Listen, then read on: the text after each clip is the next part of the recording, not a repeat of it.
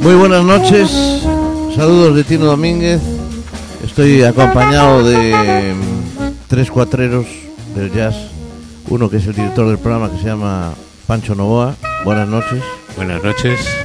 El siguiente es el señor José Luis. Buenas Bueno. noches. Buenas noches. Y el tercer cuatrero es el señor Kiko Morterero. Buenas noches. Bien, menos mal que no ibas a contestar. Pues nada, aquí empieza, comienza una nueva edición de Apuntes de Jazz.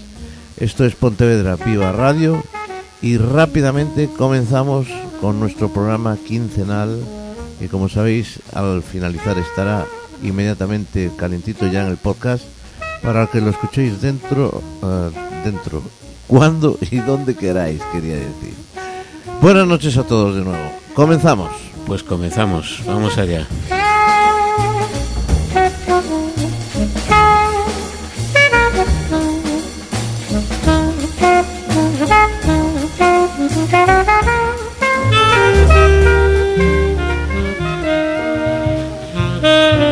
Esto es Apuntes de Jazz, Pontevedra Viva Radio.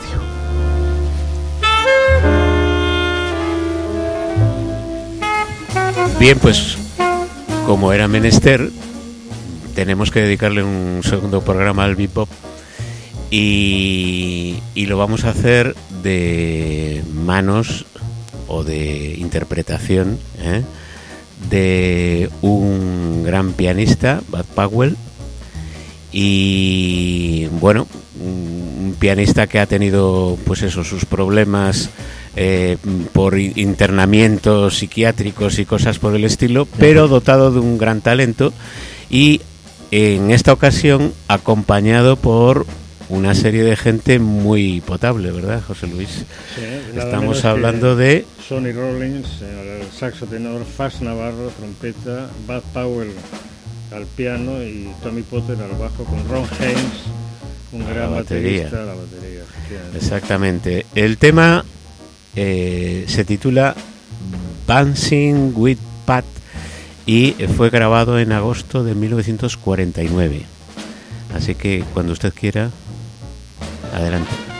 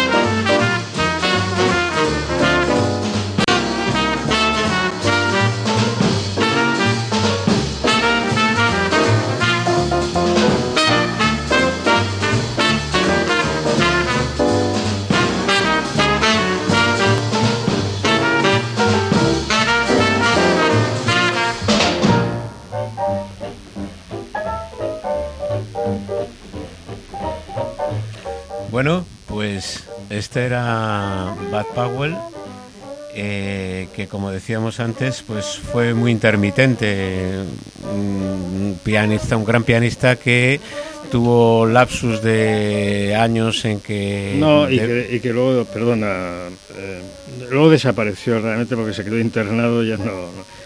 Es una, una, lástima porque tengo potencial. Yo, eh, escuchando esta, esta música, eh, que, que, ya tiene muchos años y que sigue sonando todavía con una actualidad maravillosa, realmente habría que contraponerla con el, el, estilo anterior que sería el swing y darle el mérito que se merece porque esta gente claro, rompe todos los tonalismos, las rítmicas e inventa una, una forma de, de, escribir, bueno, de escribir, de interpretar el jazz, ¿no? Y por eso hay que darle una importancia porque es un nuevo estilo y un nuevo lenguaje musical. Yo quería comentaros de Fas Navarro, que este empezó como saxofonista. Eh, ahora es trompeta, el, tiempo que estuvo, que estuvo tocando, y fue el que sustituyó en un grupo, allá por los años 40, a Dizzy Gillespie. Y además fue Dizzy Gillespie el que le recomendó, fue el que fue, entonces sustituyó a Dizzy Gillespie y ya continuó con su labor como eh, trompetista de algo tiempo. Tremenda tarea de sustituir a Dizzy Gillespie. bueno, y vamos con, con otro gran pianista que es Thelonious Monk. Esto va dedicado un poco a José Luis, que el otro día nos, se mostraba como un fan eh, acérrimo de Thelonious Monk, ¿no? Yo, yo, perdona, yo soy más fan como, eh, como compositor y creador de, de, la nueva música del vivo que como, como eh, ejecutor del piano, como pianista.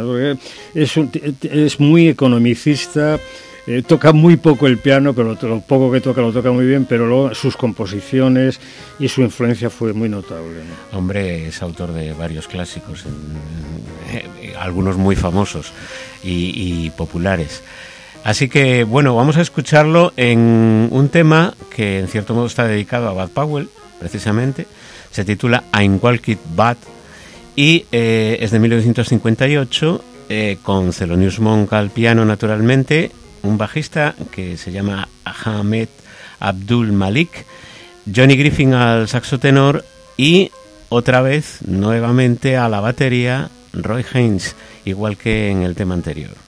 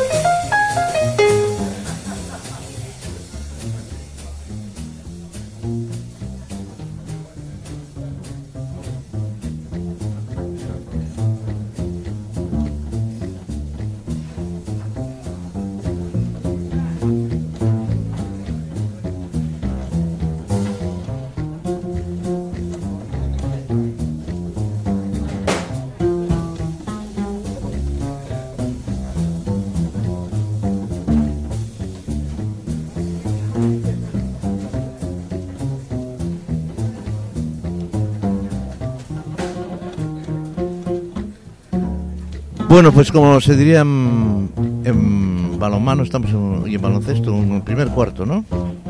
Bien, pues aquí seguimos escuchando a Thelonious Monk. Esto es Pontevedra Viva Radio y esto es Apuntes de Jazz.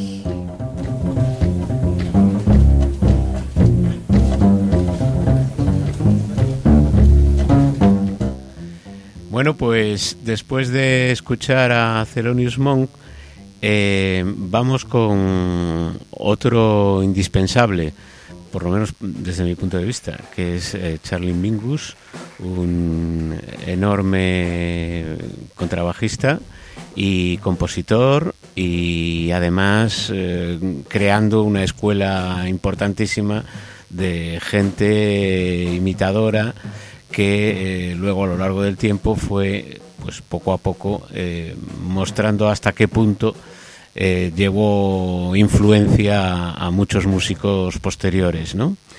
El tema se titula Goodbye Porcupine Hat.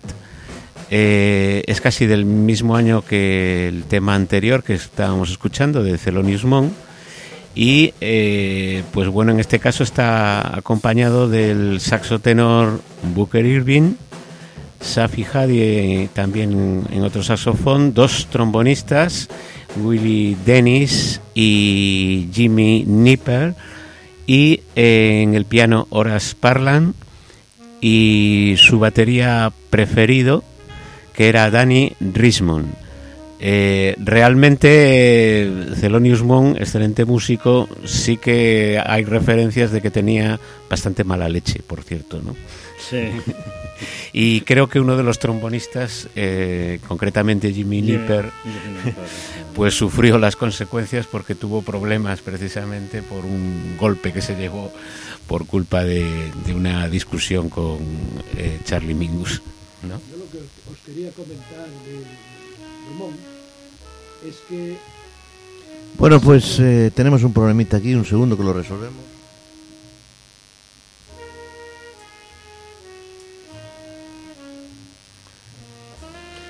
No, eh, vamos a ver, eh, estabas comentando, Pancho, sobre, sobre Mingus. Mingus era un vendaval como hombre, era un hombre inmenso, pesaba ciento y pico kilos y tal, ¿no?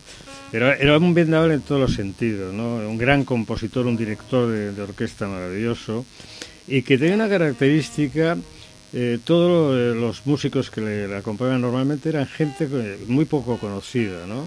Era, no, no, no tiraba de de la, gente ya colocada, famosa, ¿no? Y en esta grabación, realmente, bueno, aparte de Jimmy Nepper, que era el trombón suyo, de, y Horace Parlan al piano, pues está John Handin, que es otro, otro saxofonista también, lleva tres saxofonista, Broker Evin y Safi pero era un hombre que cada cambiaba de formación en casi cada grabación o en cada concierto, ¿no? O sea, no era un inconformista absoluto, despedía a todo el mundo y volvía a coger gente totalmente desconocida, ¿no? Sí, excepto el batería, ¿eh? Sí, bueno. Yo lo que os quería comentar antes con The Monk es que lo consideramos, y yo personalmente, uno de los mejores pianistas de jazz. A mí es uno de los que más me gustan también sin embargo, en sus orígenes, eh, dada mm, la originalidad que tenía este, este pianista, le costó mucho trabajo entrar en los grandes circuitos. Tardó muchísimo tiempo en que la crítica y el público aceptase a un pianista de una originalidad y de una mm, capacidad como era, como era Monk. Luego ya, efectivamente, fue entrando, fue siendo aceptado, tocó con los mejores, ya puso y hizo su trío y empezó a grabar con, con, su propio nombre y a partir de ahí ya despegó y salió a la fama y ya es el Mon que conocemos. Pero es curioso que gente eh, con una capacidad y una originalidad tan grande cueste tanto trabajo de, de, aceptar por crítica compañeros y por un movimiento que estaba empezando a resurgir. Bueno, yo brevemente decirte que es que era lógico, porque Thelonious Monk era rarísimo cuando empezó era absolutamente atonal y la música que hacía, o sea, el piano que interpretaba, y lo acabamos de escuchar aquí, era un piano un poco eh, enloquecido para las costumbres, que eran las costumbres todavía de, la lógica y del swing, ¿no? ¿Qué pasa? Que al final el, arte y el talento se imponen y como tú bien dices, eh, Thelonious eh, quedó realmente como un gran compositor y un gran pianista. Bueno, regresamos a Charlie Mingus, que nos estamos desviando de la cuestión. Regresamos a Charlie Mingus y bueno, el tema este que vuelvo a repetir el título, Goodbye Porcupine Hat, es de un excelente álbum para mí, eh, Mingus A. Um, y yo creo que de los mejores de Charlie Mingus, así que vamos allá.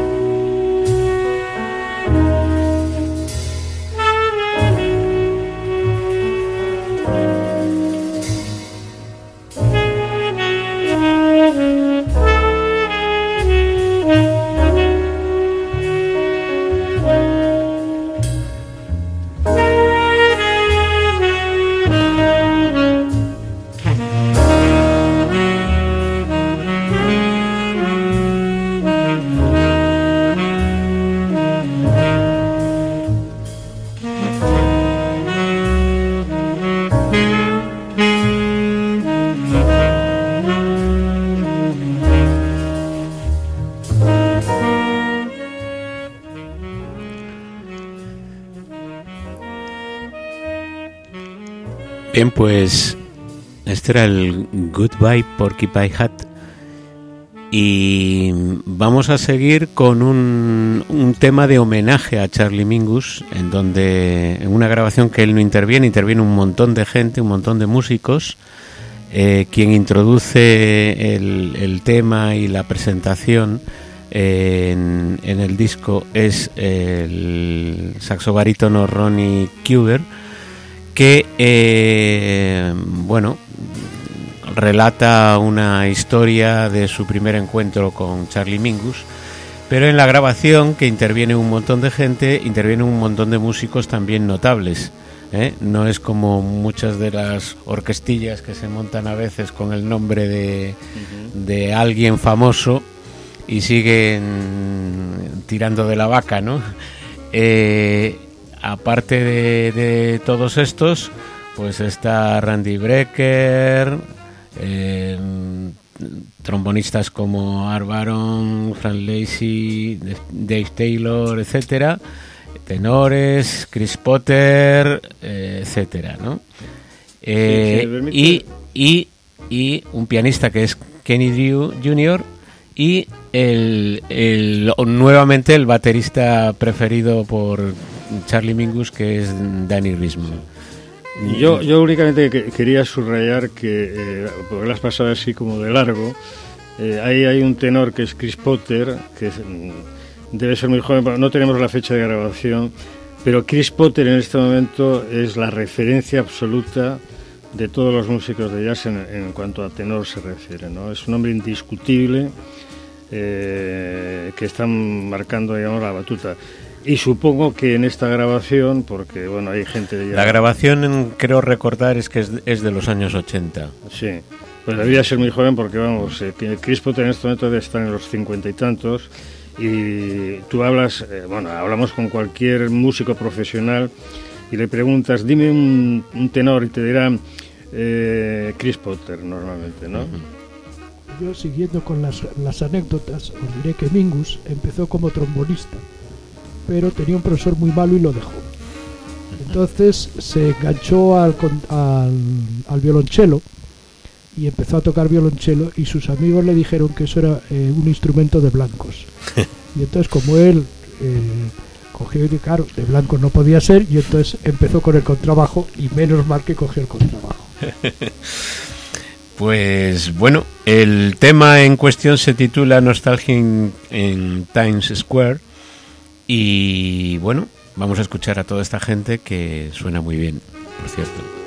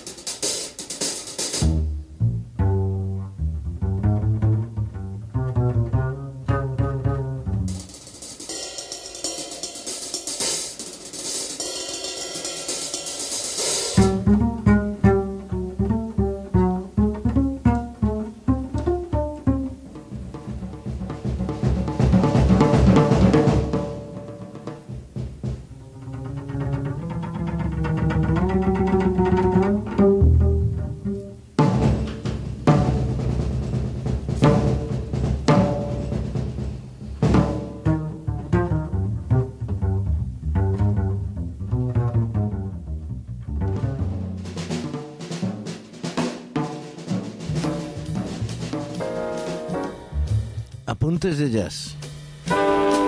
Pontevedra Viva Radio. Con Pancho Novoa.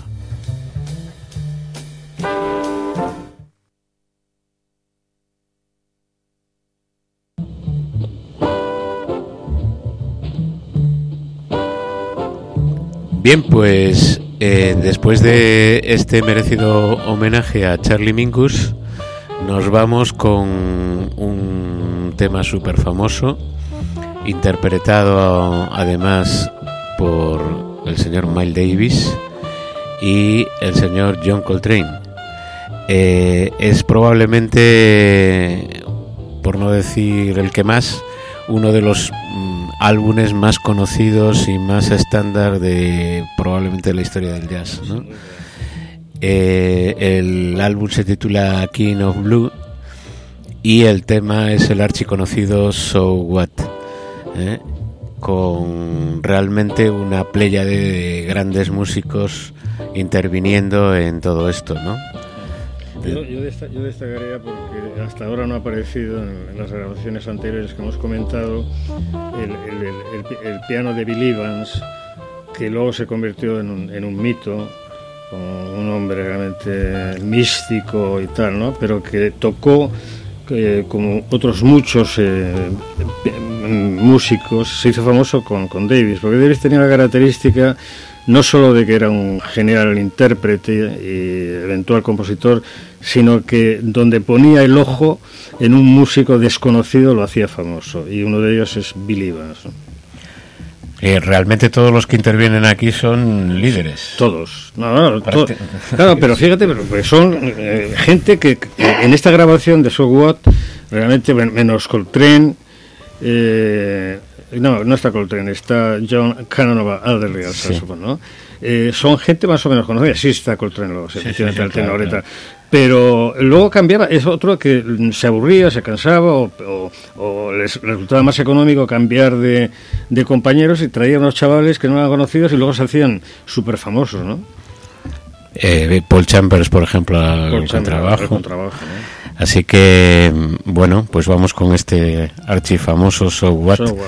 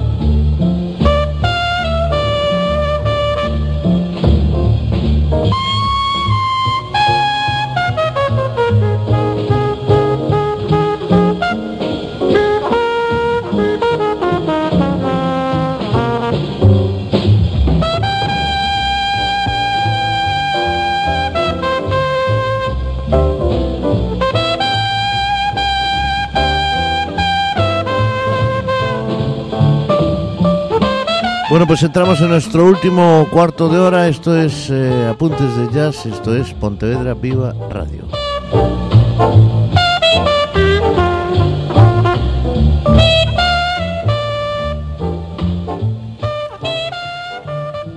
Bien, pues después de escuchar el So What de Miles Davis, eh, viene otro grande del bebop, uno de los más grandes, Dizzy Gillespie, en un gran concierto que dieron en Copenhague.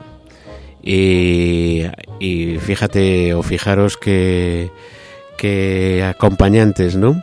Se ha buscado el, el hombre. Celonis Mongo al piano, Sonny Stitt al, saxo alto, eh, Kay Winding al trombón, el bajo es Al McKibben y el batería Arblaki, nada menos. Y el tema que vamos a escuchar es un. Bueno, el disco no tiene desperdicio, pertenece a un, a un disco que se llama Gigantes del Jazz y se titula Tour de Force el tema. Vamos allá.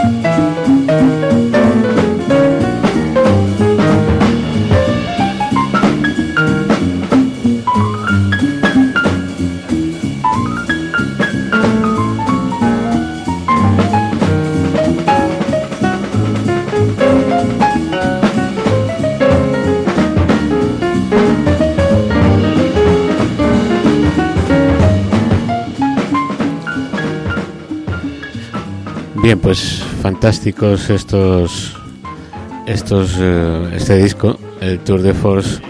Estos chicos le, lo hicieron bien. Sí, yo, yo mm, mm, dejarme destacar el, solo que está que ha hecho Sonny Stitt al, al, alto y al tenor. Eh, es, es, un saxofonista que en su día fue muy importante, pero que luego pues, fue desapareciendo con, con el tiempo, pero que ahí hemos visto que realmente tenía una capacidad maravillosa de, de interpretación.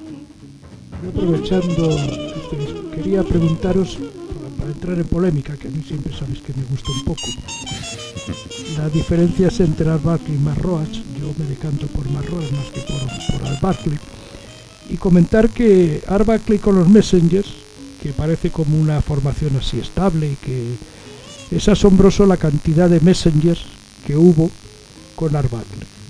La gente que pasó por esa formación, que se fueron renovando, eh, cada tres años, cada cuatro años, y que gente como Wayne Sorter o que Jarrett que trabajaron con, con él. O sea, es, es, asombroso la capacidad que tuvo este hombre de sacar Cantera. a la luz cantidad de música. Bueno, y además que, luego todos buenos. Es que realmente se le conocía como la Universidad de, Itinerante del Jazz, ¿no? Realmente, por eso se llaman los mensajeros de, del jazz, porque cambiaba y, y renovaba. Y también como como hemos hablado de, de, Davis, pues es una, un hombre que tenía una intuición para descubrir genios que luego se consolidaban tocando con él. ¿no? Bueno, yo sinceramente creo que es casi mm, no una digamos algo que suceda con todos los músicos pero es muy común que toda la gente que ha pasado por la orquesta de Duke Ellington por la orquesta, la orquesta de Count Basie por incluso mm, eh, formaciones de, de otros de las famosas Big Bang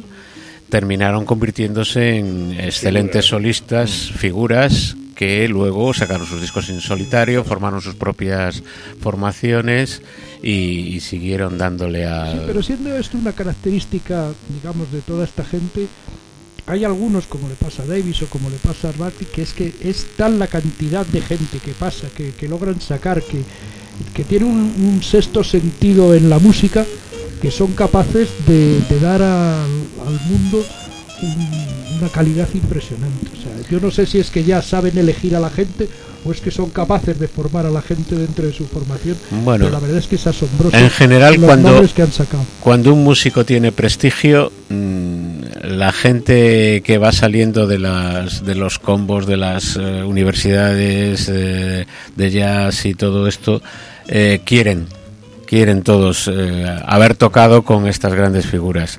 Y lo consideran un honor y además una plataforma de lanzamiento para sus propias carreras. Entonces mm, no es nada raro, pues es bastante común que, que, eso suceda y pasa y pasa con eso. Sí que es cierto que en, en muchos casos se, se prolongan el tiempo también porque los, lo, la, la, figura en sí o en cuestión ha durado mucho tiempo, con muchas formaciones y, y, y, por lo tanto, a pesar de que, como dice Tino, a veces todos se mueren, ¿no? De vez en cuando se mueren, algunos muy jóvenes, pero otros no tan jóvenes, otros bastan, duran bastante y entonces han sacado mucha cantera, ¿no? Por, por, por, así decirlo. Y en cuanto a lo que decías de más, a mí hay muchas baterías que me gustan, incluso de estilos diferentes, pero yo sí que tiendo más a la gente, mm, digamos, menos, menos estruendosa. Me gustan más los baterías finos. Eh, y, y, y eso en general, pero sé que es una apreciación personal, claro. Claro, claro.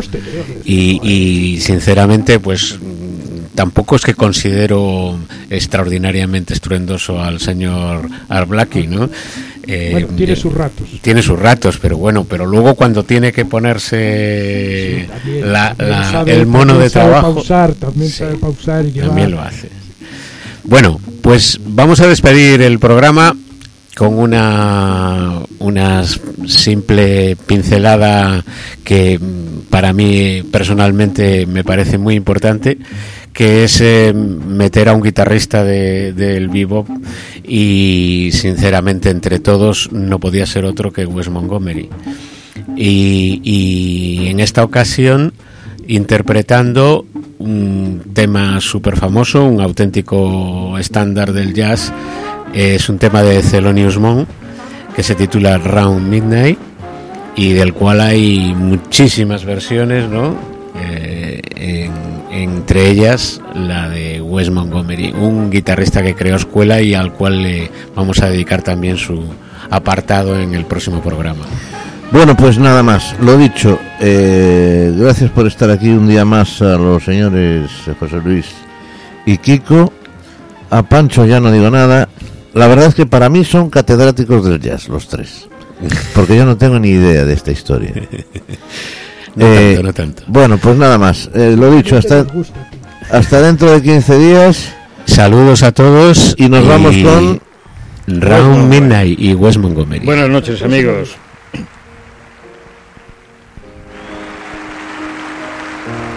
Fíjate.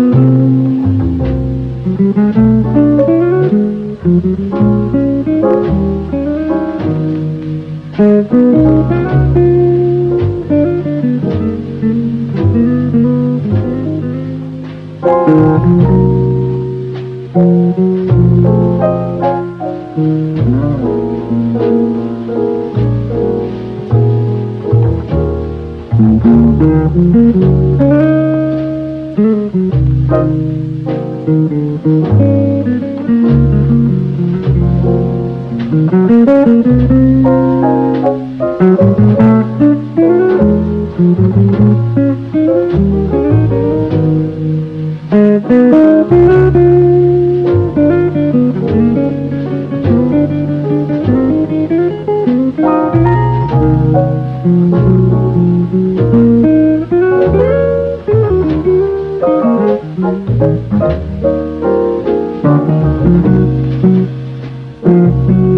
you.